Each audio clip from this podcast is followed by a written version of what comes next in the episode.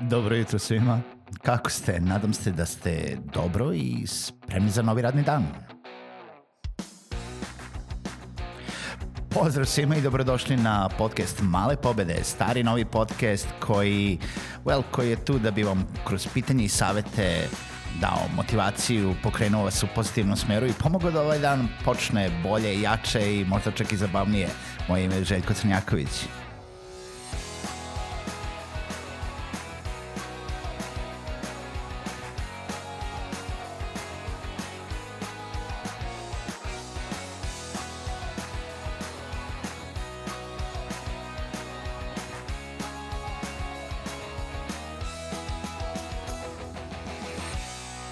Pozdrav svima, dobro jutro i dobrodošli u još jednu epizodu podcasta Male pobede.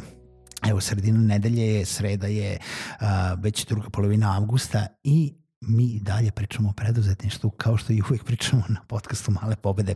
E, dobio sam jedno pitanje interesantno, nisam siguran da imam pravi odgovor, ali ću svakako pokušati da dam neko moje viđenje stvari, a tiče se i do, dobro je upala u nedelju ovog preduzetništva i nekog početka poslovanja, ovaj, prvo od strpljenja, pa onda od biznis plana, pa sada da li je dobro ući u posao solo ili sa partnerom? A, da li je bolje ući u posao sam e, ili sa nekim? koje su prednosti, a koje su mane. I nisam siguran da imam pravi odgovor zato što iz nekog mog e, iskustva e, nisam nikada imao pravog partnera u poslu, nisam nikada imao onog, onog što bi rekli e, startupovci co-foundera, je jednako osobu koja je jednako dovoljno grize, čupa i kopa uh, za istu ideju te firme kao, kao što sam ja imao. Uh, bio sam radnik u nekoj firmi, bio sam na drugi čovek u firmi na poziciji ono tipa da, da sam skoro vodio celu firmu, ali i dalje sam bio radnik u firmi, nisam bio suosnivač, nego sam imao direktora u to vreme. I onda sam se odvojio, bio sam bio freelancer, pa sam sada bio samostalni preduzetnik, imao sam radnike, imam saradnike, ali nikada nisam imao partnera u poslu. E sad, zašto je dosta firmi u toj poziciji da imamo jednog vodećeg direktora, jednog osnivača. Neke firme nisu i mogu da kažem možda, možda im čak i malo zavidim onima koji imaju prave partnere, e, zato što u nekom mom iskustvu jako je teško naći osobu koja će isto tako, kao što sam rekao na početku, da čupa, grize, kopa kao što vi to radite. Da će toliko da se žrtvuje za svoju firmu e, kao što ste vi sad to zamislili. Pogotovo pričamo o preduzetništvu i pričam sad onim ljudima koji stvarno jesu za preduzetništvo. Znači, ako želite da uđete u posao i osnovite neku firmu, vi ste već namerili da budete preduzetnik. Kako ste namerili da budete preduzetnik, vi treba da budete spremni na mnogo žrtava u životu. Vi treba da budete spremni da uložite mnogo svog vremena, svojih para i da se odreknete dosta stvari da bi taj posao za početak prvo počeo, on posle toga i opstao. Pričali smo o tome da oscilacija u poslu uvek ima i nikad nije uh, sjajno i bajno. Znači, šta se dešava u situacijama kada nema para? Dajemo od svojih para. Šta se dešava u situacijama kada uh, je uspeh kada, kada imamo neki prividni uspeh, imamo neki onako skok, nikad ne potrošimo sve jer moramo da čuvamo za dalje. Znači, ne možemo, nikad to nisu moje pare, pare direktora, nisu, nisu sve moje pare. Ja vo, mislim, volim da vidim uspeh u firmi, ali uvek se mislim šta će biti za tri meseca, šta će biti za šest meseci. Ja moram da imam taj buffer zone, jel da za poslovanje, da firma opstane, ako sad odjednom padne, jel da bude ta oscilacija na dole, padne posao. Znači, u, u tom smislu, uh, ljudi se češće odlučuju da uđu u posao sami, zato što kada smisle neku ideju, neku uslugu, onda um, je potrebno velika žrtva koju verujete da možete da podnesete sami. Mislim, ne samo da verujete, nego ste jedini voljni da podnesete za tu svoju ideju sami. E sada, ukoliko imate dovoljno sreće da nađete partnera koji je dovoljno predan zajedničkoj ideji I koliko, e, sa jedne strane. Sa druge strane, morate jako dobro sebe da preispitate. Morate da preispitate da li ste vi dovoljno otvoreni da podelite tu ideju i da ta ideja više nije samo vaša. I da nećete da radite samo one stvari koje ste vi zamislili.